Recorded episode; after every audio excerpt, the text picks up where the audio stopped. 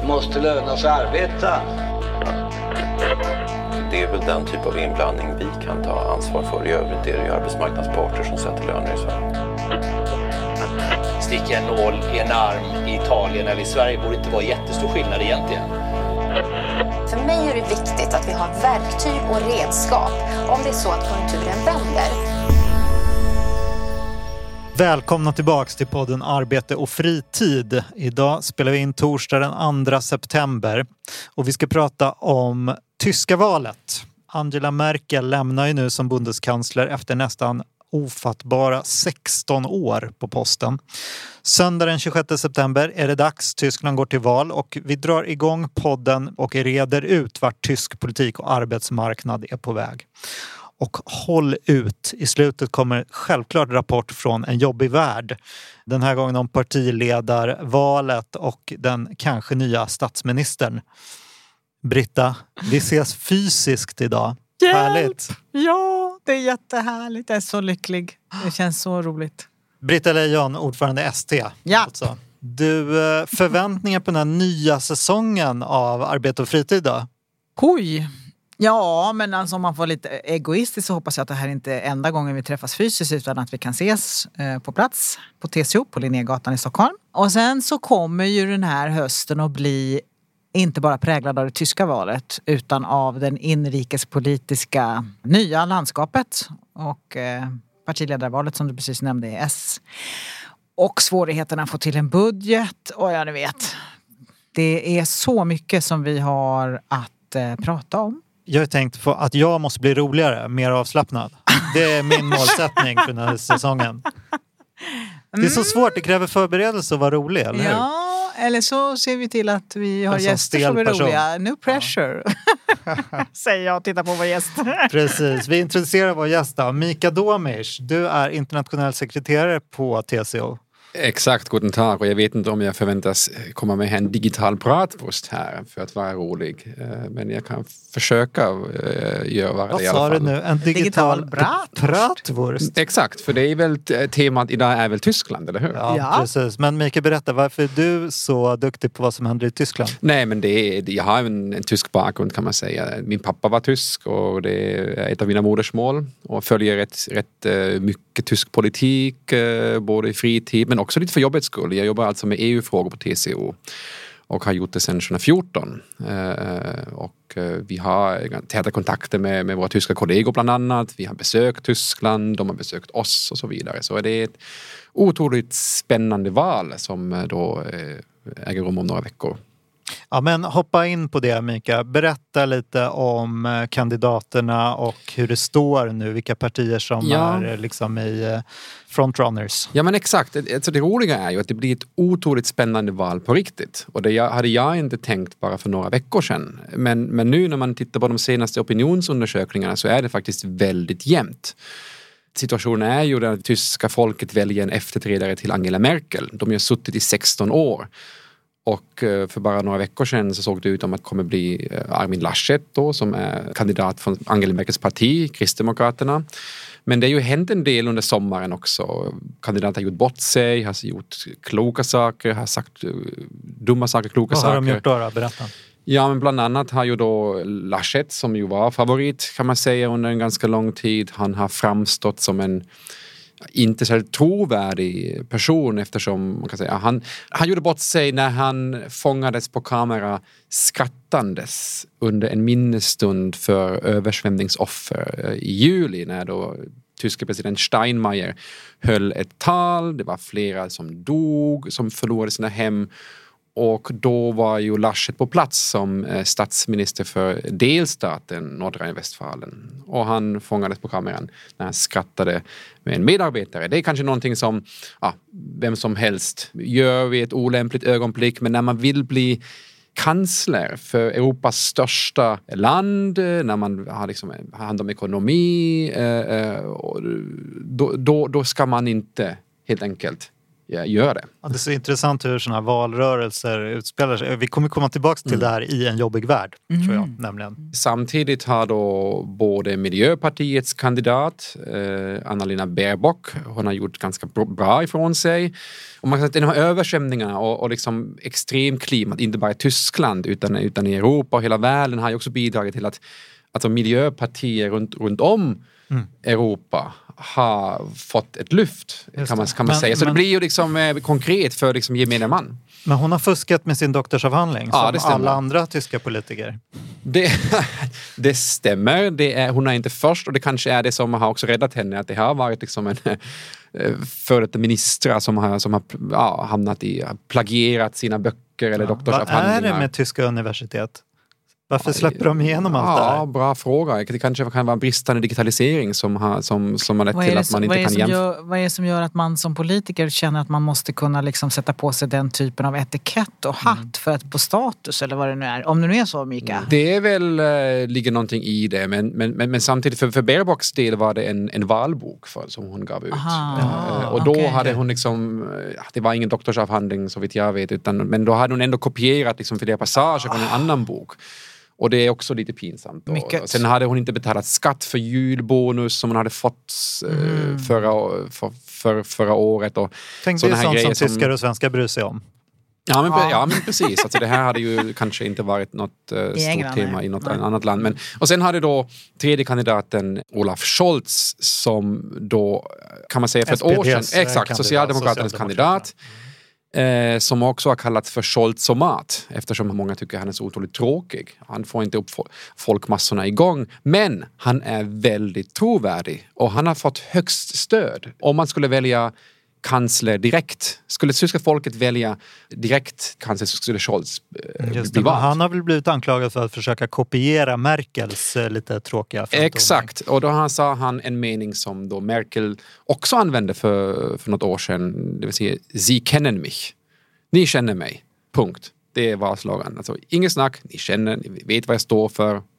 Som själv, Försöker inte Laschet också använda sig av det när han skulle bli vald? Ja, möjligtvis. Tidigare i- jag tror precis. Som, kan, jag har för mig att han sa det, ni känner mig. Ja, jag- exakt, det stämmer. Mm. sonen till en stålverksarbetare eller vad det var. Precis. Och jag, många år i politiken. Jag är, inga obehagliga överraskningar om nu är ni med. Liksom, Det, låter budskapet. lite som eh, Keine Experimente. Ja men precis. Mm. Finns det en sån typ av liksom Hellre en tråkig automat än någon Exakt. som man inte vet vad, vad som kommer hända med. Som man får otrevliga överraskningar med. Ja men absolut, jag tror du, du har definitivt rätt, så är det också. Och det är inte så, man ska, inte så, inte så konstigt, men med tanke på Tysklands Mm. historia också. att Man har både liksom, alltså, Tredje riket, sen hade Mm. DDR och vad de har gått igenom de under de senaste 10 100 åren. Eh, Att då hellre liksom någon som är stabil och lite tråkig men som sköter sitt jobb och Det gör det som förväntas. Och precis, det är intressant att precis som du, påminner om att Laschet också försökte köra Merkel. Utan liksom, eftersom Merkel har ju varit ganska populär också bland eh, eh, SPD-väljare och, och, och, och, gröna väljare eftersom det är hon som liksom genomförde många liksom också gröna reformer, sociala reformer. Vi kan återkomma till det. Eh, så eh, försöker många liksom anamma hennes stil. Av att liksom, hon så- är liksom landsmodern som vill hålla sig ovanpå de här politiska liksom, debatterna. Ni får, ni får liksom bråka men jag tar hand om landet. Det är liksom den... Tysk politik är tråkig alltså. Nu kommer vi få en ny Bundeskansler i 16 år eftersom tyskarna inte vågar byta. vi, vi får se. Det är det som har hänt. Att det finns en någon slags entusiasm eller en slags... Alltså eftersom många ju tänkte att det här skulle vara en självklarhet, vem som skulle bli vald. Eh, eller i, i alla fall ganska tydligt. Så nu är det faktiskt helt öppet. Det kan nästan bli vem som helst av de tre. Skulle du fråga mig så gissar jag att det blir antingen eh, Olaf Scholz eller eh, Laschet. De två ligger enligt, enligt de nuvarande opinionsundersökningarna ligger, ligger eh, framme. Är det FDP, Liberalerna, som kommer att avgöra vem som kan bilda alliansregering? Det blir väldigt avgörande.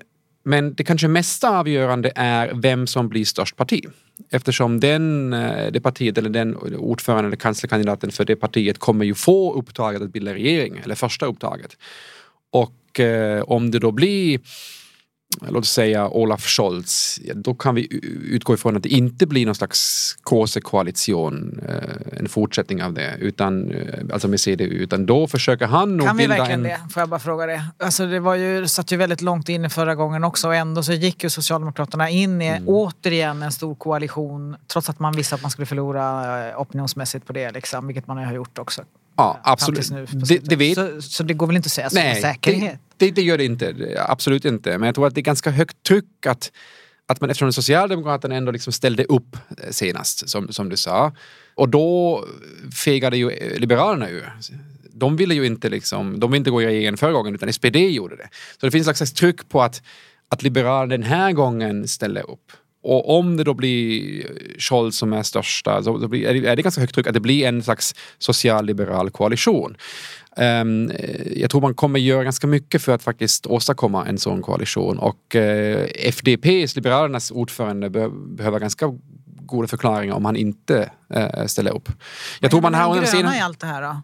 De är väl ändå jättestora också i opinionsmätningarna just Absolut. nu? Och, och de kommer socialliberal med, med, med Miljöpartiet såklart. Förlåt, jag var lite oklar. Alltså det här blir ju då, det kallas för Ampel. Eh, råd till Ampel. Trafikljus. Trafikljuskoalition. Du har rött, gult, grönt. Det, det blir liksom den som troligtvis blir den mest sannolika eh, koalitionen förutsatt att Olaf Scholz är, är liksom, eller Socialdemokraterna är största parti. Men skulle de Armin Laschet och Kristdemokraterna bli störst, ja då eh, ser det annorlunda ut. Eh, Då finns det någonting som kallas för Jamaica-koalition, det vill säga då har vi då en... en, en de, Grönt, gult och exakt, svart. Mm. Exakt. Med Miljöpartiet och Liberalerna som juniorpartners. Hörrni, vi ska ju prata om arbetsmarknadsfrågor och vart man är på väg i arbetsmarknadspolitiken. Men någonting kanske om vilka frågor som har varit stora nu i valrörelsen. Det var intressant, i söndags var det första eh, live partiledardebatt på tv som kallades för 3L, alltså inte duell utan 3L med då Scholz, Baerbock och eh, Laschet. Och det var en rad frågor som diskuterades då. Corona och, och, och eh, vad som hände med corona och under coronatiden. Det var ju en väldigt stor fråga. Man ska inte glömma bort att man i Tyskland haft en ganska rejäl lockdown. Skolorna har varit stängda. Det har haft eh, en stor påverkan på samhället. Mycket större än i Sverige. Eh, barn har inte kunnat gå i skolan på arbetsmarknaden kunnat se också en stigande arbetslöshet och så vidare. Och, det var förstås en väldigt viktig fråga då, vad eh, partierna kommer göra då under den kommande hösten och åren. Och det var ju förstås, man, kan inte... De kunde inte säga så mycket förutom att Anna Baerbock då, som har, då har suttit i opposition, det ska man inte glömma. bort. Alltså, vi har nu hittills haft en stor koalition bestående av eh, Laschets och Scholz parti. De har haft ansvar medan Miljöpartiet var ute och försöka plocka poäng genom att kritisera regeringen. Och, och då, då var de väldigt tydliga. De vill inte ha några skolstängningar eh, mer oavsett vad som händer utan man ska installera eh, eh luftrenare i klassrummen. Det var, var hon väldigt tydlig med och det sa hon också. Och ja, det, så det blev faktiskt en, en fråga som hon tog upp på den här triellen att, att liksom hon, hon har minsann eh, ja, respekt för barnen och, och, det, och lärarna och, och, och, och det, hela det här. Det, det här var faktiskt en stor fråga. Eh, just corona, kan man utesluta lockdowns? Eh, och det tyckte alla tre var att ja, men det kommer man försöka göra. Att det inte blir några lockdowns numera utan man jobbar med, med vaccinationstakten helt enkelt. Men eh, utöver den här coronafrågan så, så var det faktiskt en rad frågor. Jag tittade på den här debatten och, och antecknade lite. Det, det är klimatpolitik, omställning, eh, det är skattepolitik eh, och välfärdspolitik.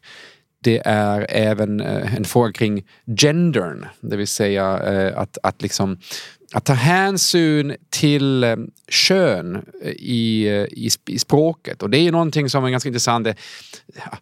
Jag tror varje land har haft den här debatten. Att man liksom, I Sverige finns ju den här hen-debatten till exempel. Och, och, införandet i, och det är någonting som även kanslerkandidaterna fick ta ställning till. Eh, Men, men, men en stor... Ja, men vad sa de då, då? Vad är grejen i Tyskland? Ja, grejen är så här att, att man säger till exempel, ah, just det, alltså, ja, eh, lärare. På tyska säger man lera, det vill säga då utesluter man kvinnliga lärare. Och då, då skulle man liksom införa en liten kärna i, eh, mitt i ordet och lägga till innen, lärarinnen, så att det skulle liksom omfatta både manliga och kvinnliga lärare. Och, och, och, och då finns det eh, eh, eh, många som, som, som använder sig av de här gender kärnorna mitt i orden. Och det är också på något sätt eh, någonting som har Vadå, ritat ska man upp... lägga in en liten asterisk? Exakt, Liksom, man, exakt. Var lägger man den? Ja, mitt i ordet. Vem- Mellan vilka bokstäver? Till exempel eh, kollegor, eh, det- då, då, då, då skulle det bli kolleg, kärna, innen. Då blir det Aha. liksom både manliga och kvinnliga. Och det här är ju någonting som har ritat upp väldigt många, framförallt äldre människor, eh, människor på, på den mer konservativa flanken. Det är liksom en generationsfråga men också, eh, vad ska man säga, på en, Hur- gal, på en galtanskala. Så det är ganska intressant. Eh, När man pratar då? Hur säger man då? Nej, då... då ja, intressant faktiskt. Då försöker man... Då, det finns olika sätt att försöka liksom undvika den här... Men, men då säger man kollegen och und kolleginen till Ja, exempel. det. då kan man liksom uttrycka sig på flera sätt. Men, men alltså det här är ju en ganska liten sak. Alltså, men den här symboliserar ändå den här liksom, vad ska man säga, de här klyftorna som har uppstått i, i samhället mellan generation, mellan, mellan liksom, kan man, just den här Det är ändå gal, roligt. Tänk om vi hade en sån galtan-diskussion i Sverige. Ja, men alltså, jag tror, alltså min teori är att det finns eh, en sån diskussion i varje land, men det tar ju uttryck på, på olika sätt. Men, men i Tyskland är det här genderstjärnchen är någonting som då har, har, har eh, orsakat debatt. Ja, roligt. Ja. Förlåt, försök, fortsätt på din lista. Nej, men vi, eh, sen har utrikespolitik har tagit ganska mycket plats också. Grund av Tyskland Afghanistan. eller? Exakt, så har man har liksom erkänt att det har varit ett misslyckande också från Tysklands sida. Man bedriver en stor underrättelseverksamhet, man är en bärande del av NATO, av EU och, liksom, och haft en ganska stor ambassad på plats. Och sen har man inte kunnat liksom ja, förutse och det är ju klart man bedriver också självkritik här. Man dumpar inte allt på USA utan, utan då har ju liksom tyska utrikesministern sagt, sagt också att man, man har gjort misstag eh, och till och med gravat att han ska avgå. Sen EU förstås i Tyskland är ju ett väldigt pro-europeiskt land. Om man jämför vad alla tre, Baerbock, Scholz och Laschet säger om EU så står de alla upp för ett väldigt starkt EU-samarbete.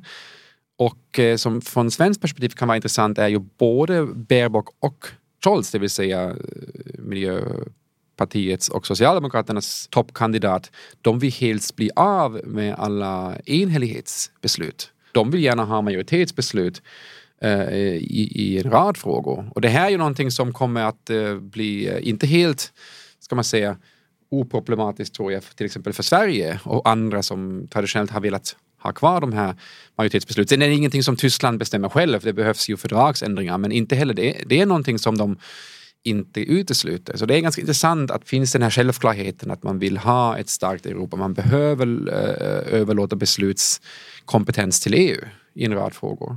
Men arbetsmarknadsfrågor finns inte på den här listan. Jo, det, det, det gör det också. Och då är det framförallt eh, Socialdemokraterna och Miljöpartiet som driver de här frågorna.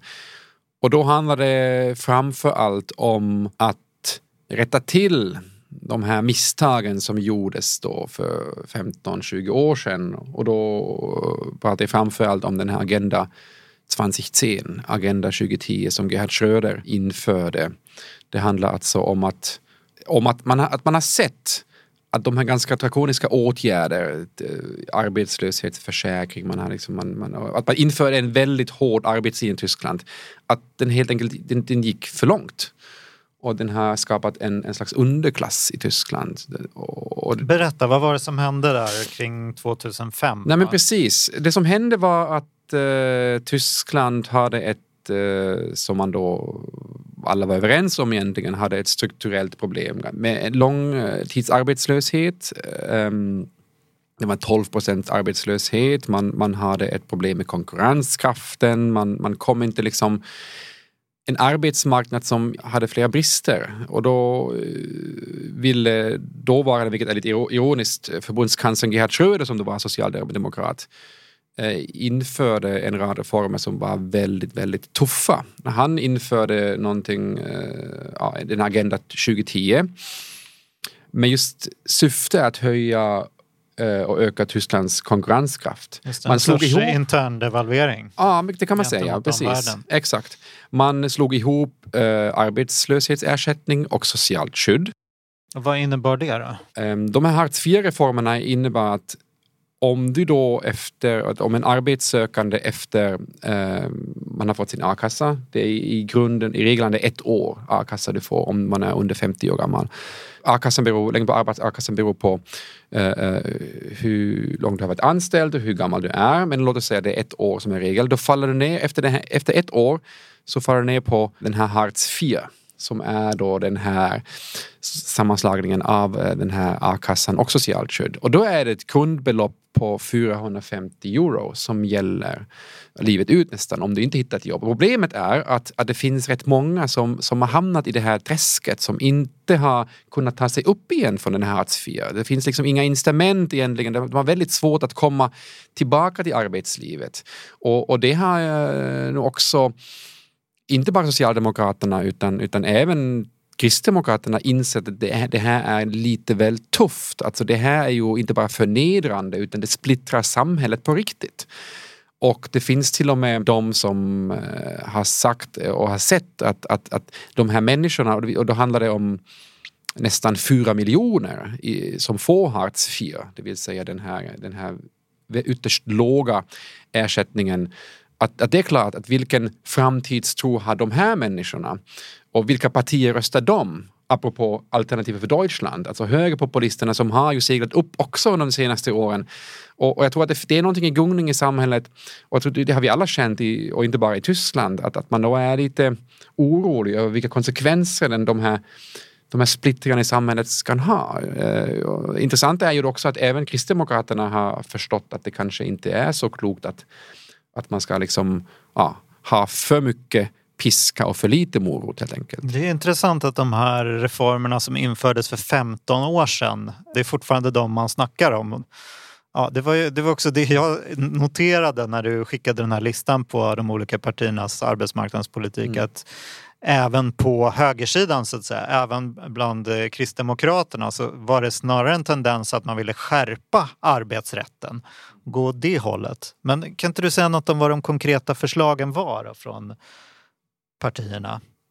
Ja men precis. Jag försökte hacka mig igenom ja, de här tyska det, det man kan säga är ju då att Socialdemokraterna och, eh, och Vänsterpartiet Die Linke eh, som ligger just nu på cirka eh, ja, 7-8 procent och som kan bli vågmästare, liksom Liberalerna.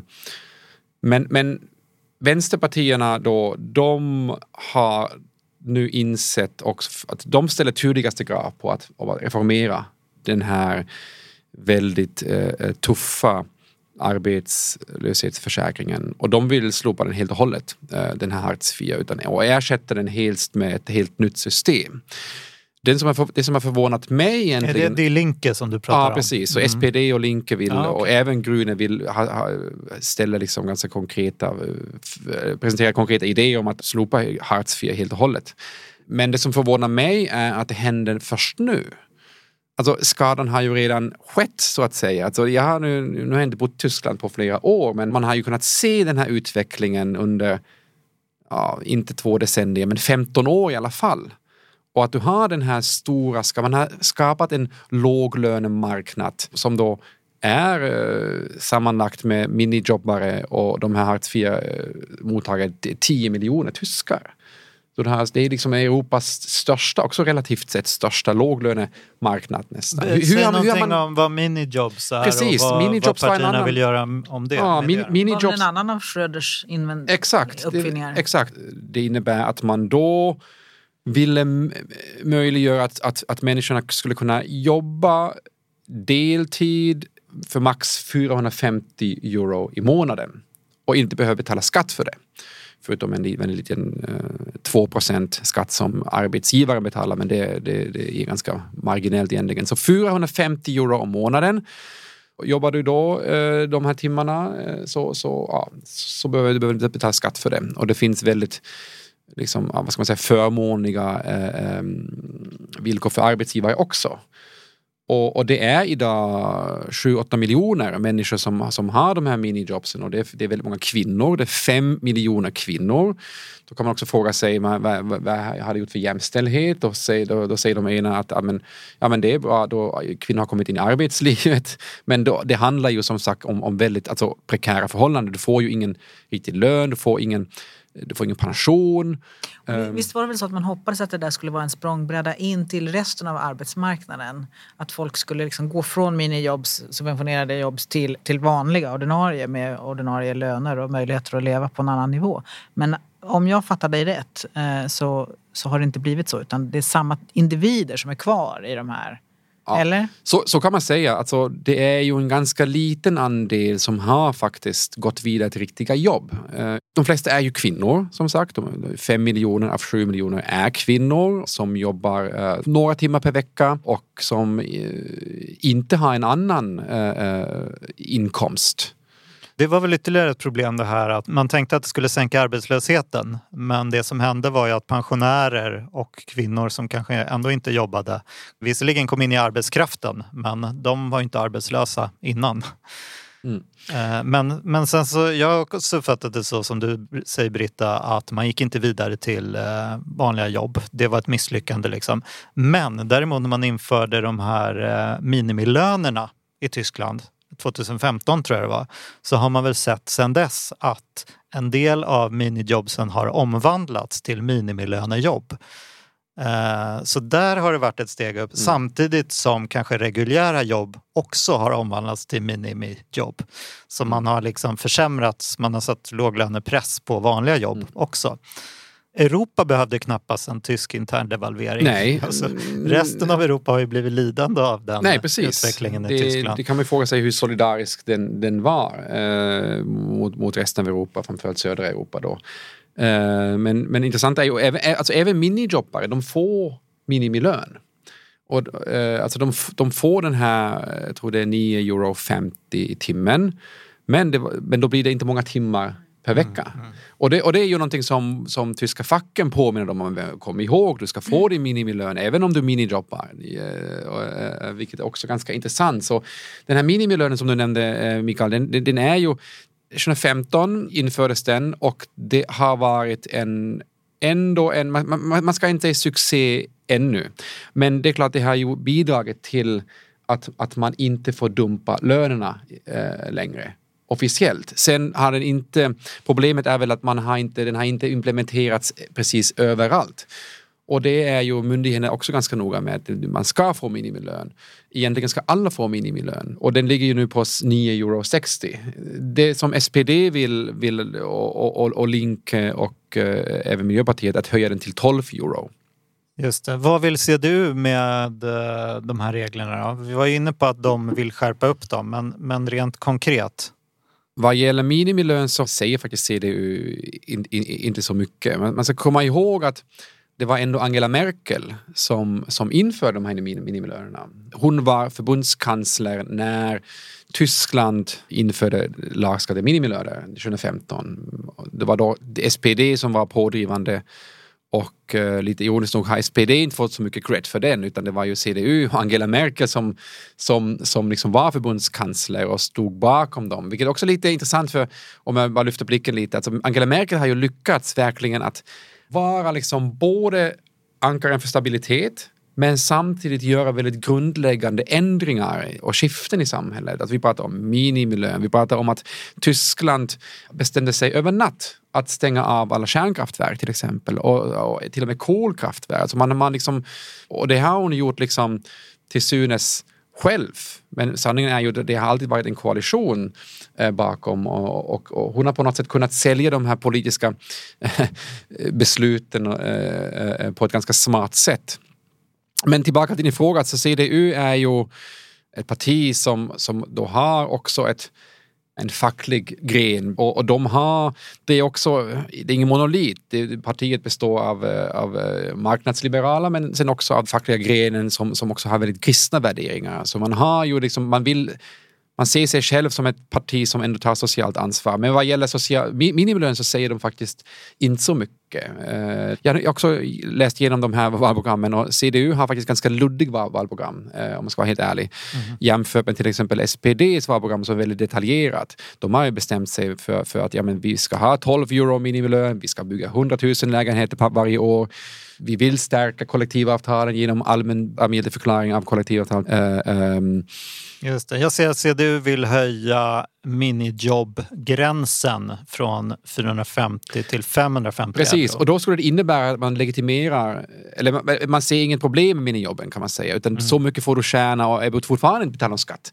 Och, och det motsätter sig just SPD till exempel. Så, alltså, SPD är lite kluven. Man har, alltså, minijobs, det finns så många minijobbare, 20 miljoner, eh, att man, det är lite svårt att liksom dra tillbaka eh, hjulet. Eh, Och man, Mm. man inte slopa helt och hållet. Men det som SPD vill göra, att man vill liksom förbättra villkoren för de här minijobbaren. Mm. Eh, och det Die finns- Linke vill ju slopa minijobs Ja, helt och hållet. precis. Det vill de göra. De tycker det är liksom förkastligt och man ska inte jobba och så. Men, men, men, och det är precis Och problemet. sossarna är någonstars där mittemellan. Precis, man har tillåtit en situation, och klassisk situation, man har liksom infört en reform och, och, och, och kanske lite motvillig. 15 år senare så vågar man inte liksom, ja, slopa helt och hållet men försöka, försöka liksom laga den efterhand. Eh, så vi får se eh, vad som händer.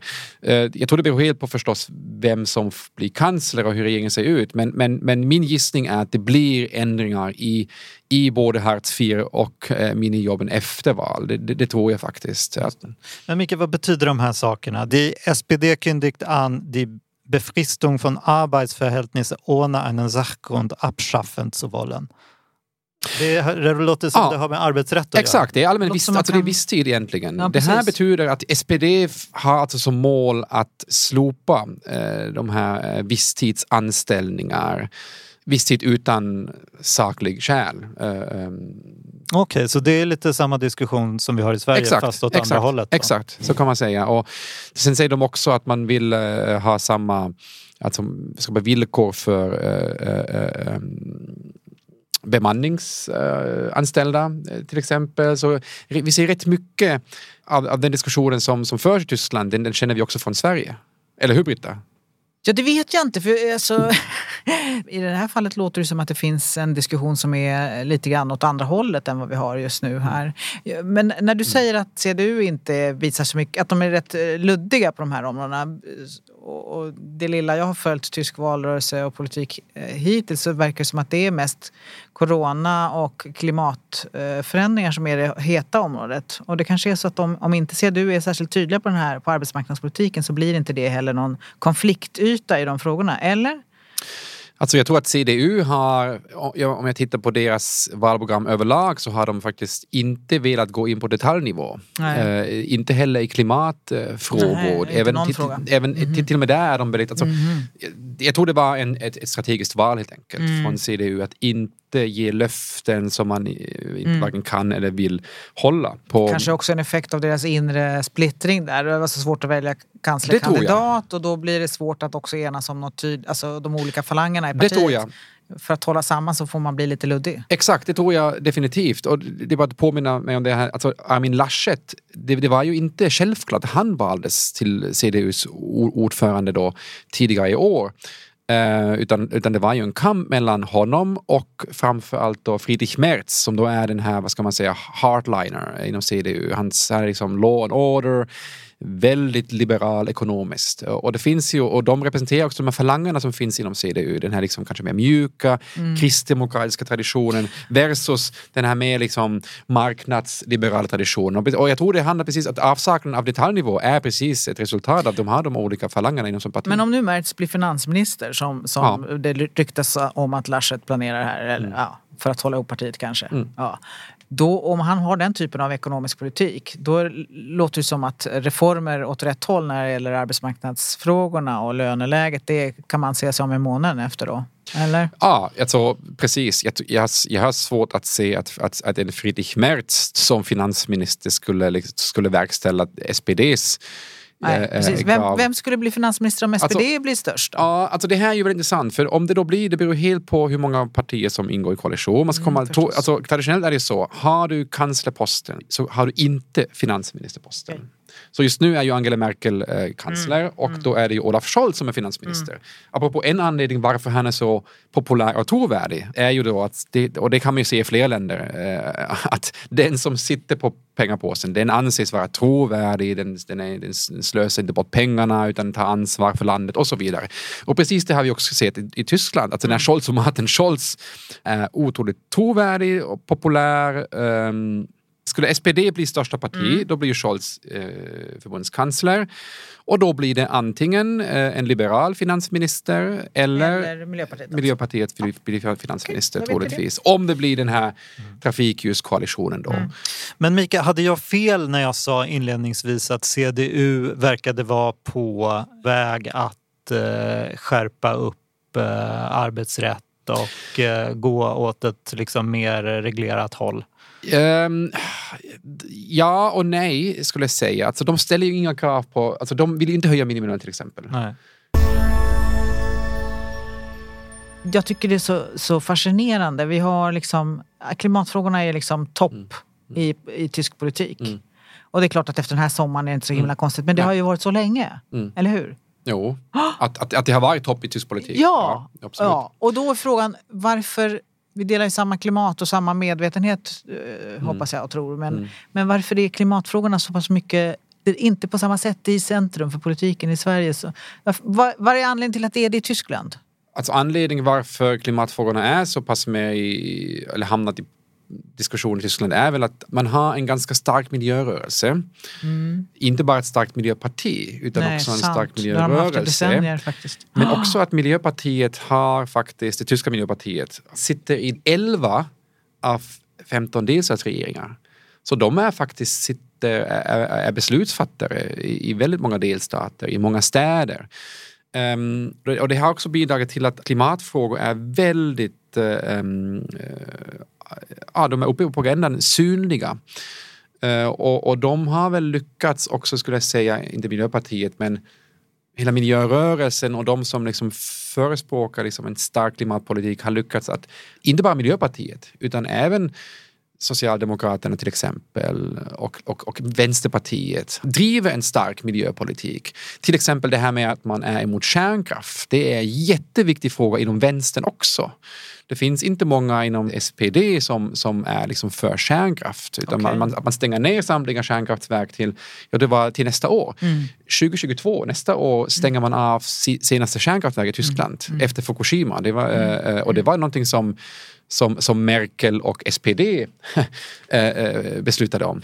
Alltså Tyskland har ju en otroligt stor industrisektor eh, och, och, och det har varit den har också varit lite tungbent. Man har inte välkomnat ska man säga, tuffa miljöregler, klimatregler från början. Till exempel tysk eh, bilindustri Ja, är ju är ju välkänt någonting. De har ju vilka de kämpat har länge, länge Mm, emot de mm. här de här, de här tuffare utsläppsregler. Mm. Och, och, och, eh, jag minns ju själv, jag var Polsak i, i parlamentet, i EU-parlamentet i Bryssel. Vi blev approcherade flera gånger av tyska billobbyister mm eh, som ville att, att vi inte skulle liksom, ja, lyssna på EU-kommissionen utan man ska väl bibehålla de här utsläppsgränserna, vara snälla mot bilindustrin som inte kan ställa om bara liksom över natt. Kemiindustrin är väl Ja. också ett sånt Och, känt och, och, så, lobbying och nu i efterhand kan man säga att det var liksom en björntjänst i ty- tyska bilindustrin eftersom nu, nu har de ju stora problem. Det är japanska biltillverkare, det är ja, franska, kinesiska som har fått en enorm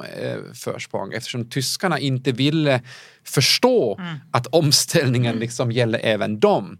Att eh, de, är, de må vara stolta över förbränningsmotorn som uppfanns i, i, Tyskland men, men det, den, är, den är passé, eller den kommer bli passé om några år. Så det är bara ett exempel att man har liksom ändå ja, den, här, liksom, den här viljan, du har, vill ha eh, stark klimatpolitik men, men, men eftersom du har så pass många och viktiga sektorer eh, så, så, är, så, så är den ganska smärtsam. Det finns ju många likheter mellan, mellan Tyskland och Sverige i politikområden men så finns det också stora skillnader och en sån skillnad är ju faktiskt eh, vad ska man säga, jämställdhet och, och eh, barnomsorgsfrågor. Och, och, och här är det så att Tyskland har ju fortfarande sambeskattning. Eh, eh, det som slopades i Sverige, när var det Britta? 71, 72? Någonting sådant, tror jag. Lite senare tror jag, men det kanske var så tidigt. Ja, länge sedan i alla fall. Efter mycket jobb från många inblandade. Precis, och det är inte många som vet att endast 35 procent av alla barn under tre år som går på förskolan. Alltså det är ju en väldigt, väldigt låg siffra. Eh, och det är ju en stor anledning varför det är kvinnor som inte finns på arbetsmarknaden. Eh, och det intressanta också här är att det finns stora skillnader mellan öst och väst att det fortfarande finns stora klyftor mellan östra Tyskland och Västtyskland.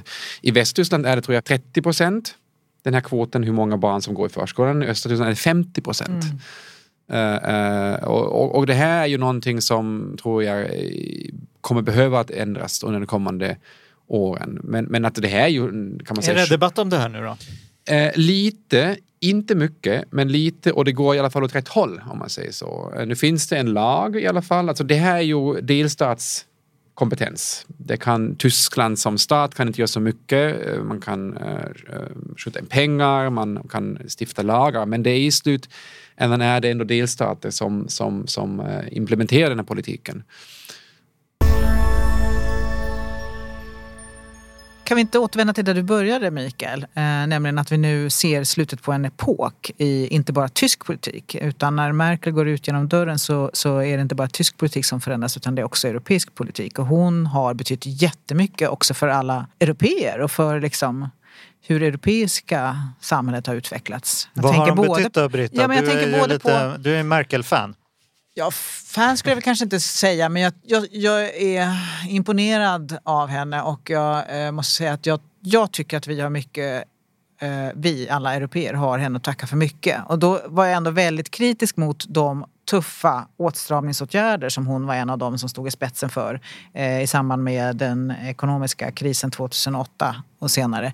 För det riktades ju jättemycket också mot offentliganställda och mot statligt anställda i Europa som fick både pensioner och löner liksom nedskurna och jobb försvann och sådär.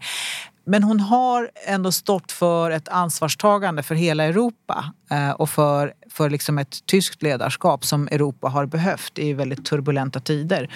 Nu är liksom, det är inte så att det är lugna tider framför oss. Vi ser ju extrema eh, utmaningar både geopolitiskt, säkerhetspolitiskt, klimatmässigt, eh, jämställdhetsmässigt, jämlikheten och på arbetsmarknaden. Och vi har inte denna erfarna ledare vid Tysklands sida utan vi kommer få någon annan. Möjligtvis Schultz som ju också är erfaren i och för sig då. Men men Britta, ja, vad kommer alla, det betyda? Liksom? Men alla älskar det... ju Merkel, men det du nämner där om efter finanskrisen och att hon har fortsatt den här eh, tyska låglönepolitiken och liksom hållit på att mosa Grekland och att populismen har växt under den här tiden.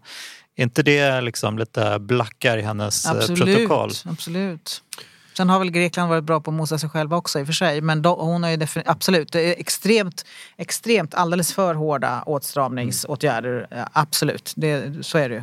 Precis, sen har hon ändå liksom hållit ihop eh, bygget så att säga. Mm. Fast i och för sig Exakt, enligt, enligt hennes villkor. Det är klart Tyskland, men de tog på något sätt liksom ganska mycket makt under en tid. Men det, man, man men man var ändå tydlig att man, man kommer inte tillåta att EU faller sönder Nej. vid flera tillfällen. Så, så liksom det var ju både och lite så. Men jag håller, jag håller med dig Britta, hon, hon njuter stor respekt, eh, mm. Merkel, i, i, Tyskland, i olika partier. Det är inte bara Kristdemokraterna som, som, som saknar henne utan hon var en garant för att saker och ting funkar i Tyskland och Europa, att och ekonomin är i ordning, att vi tar hand om finanserna, men att vi också välkomnar flyktingar, människor i nöd.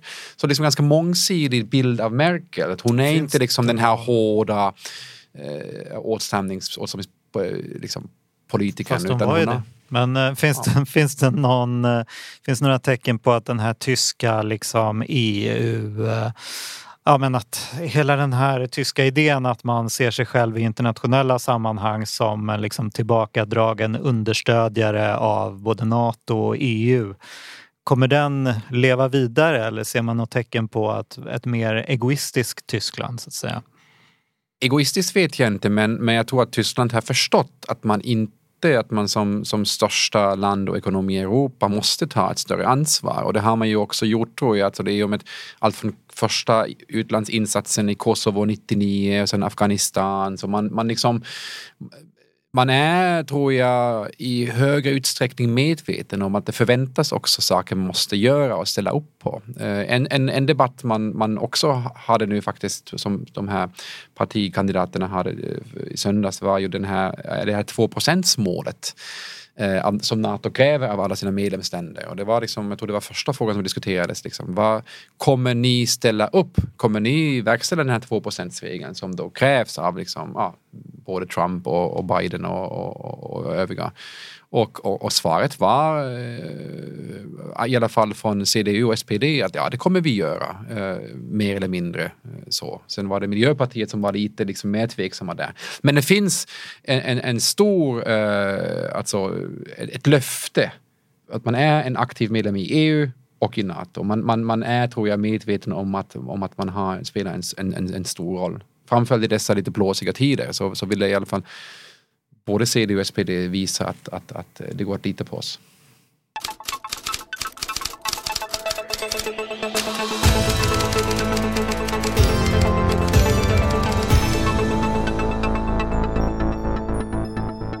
Algoritm väntas bli ny statsminister.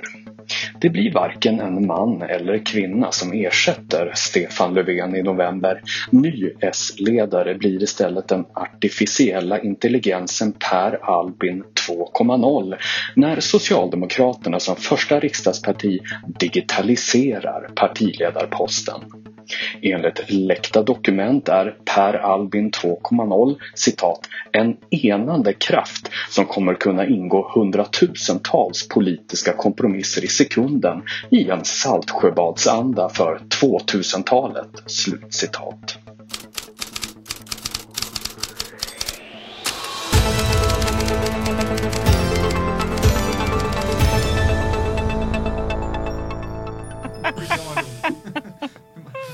Okej.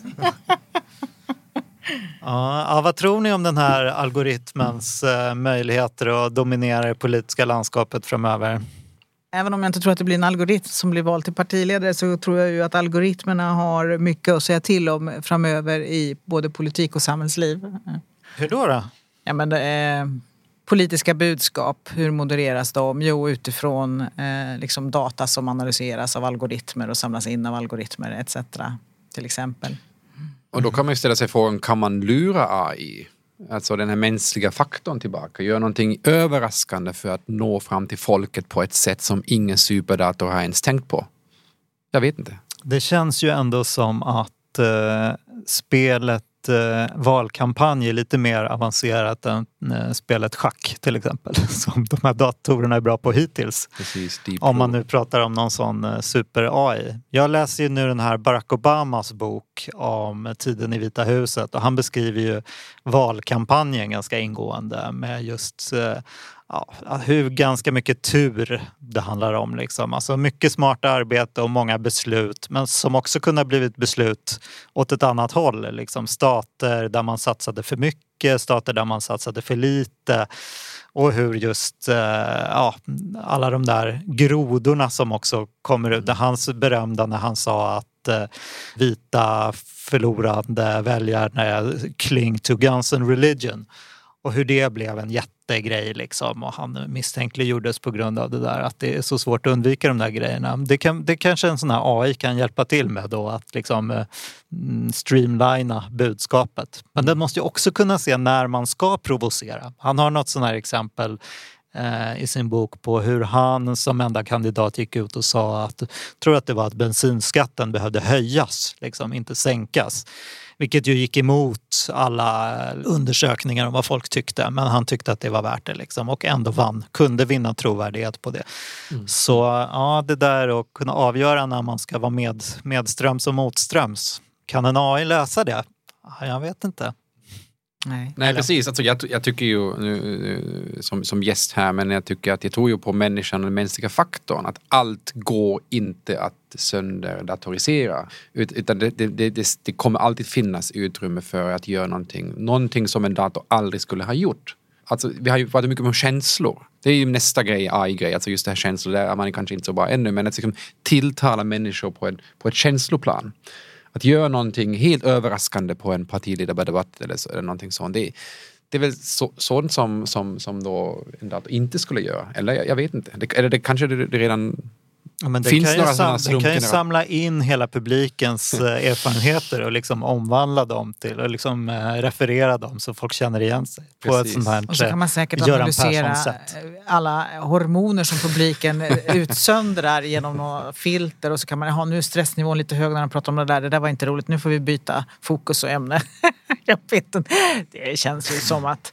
Vi ger bort Det känns de här som idéerna 1900 till appar gratis till Ja, men det, lyssnarna. det känns som 1984 är sedan länge passerat och ännu värre är det. Ja, huva. Mika, Domish, TCO, stort tack för att du var med. Tack. Snackade tysk Danke. politik. Mm, Britta, som alltid. Tack för idag. Tack för att jag får vara med. Superroligt att få lyssna på Mika. Vi ska väl bara säga att eh, Anders Ljung klipper podden. Tack för det. Eh, och sitter med här nu fysiskt, det är så roligt. och eh, vi tackar så mycket för den här gången och eh, är tillbaka om två veckor. Ladda ner eh, podden, inte bara denna podd utan se till att prenumerera så att du inte missar avsnitten. Och eh, följ också Arbetsvärlden på Facebook så får du små påminnelser när det kommer nya avsnitt. Och hoppas också att ni som lyssnar vill vara med och skicka in lite frågor och så. Alltså, vi finns ju på Facebook, Arbetsvärlden, och man kan ju hashtagga arbete och fritid så ska vi kolla det också på Twitter. Så vi snappar upp era frågor. Och kritik och beröm såklart. Och så kommer vi basunera ut era namn här i podden. Så ni blir kändisar bland alla andra utredare på fackförbund som, som lyssnar på den här podden. Hörni, tack för idag. På återhörande.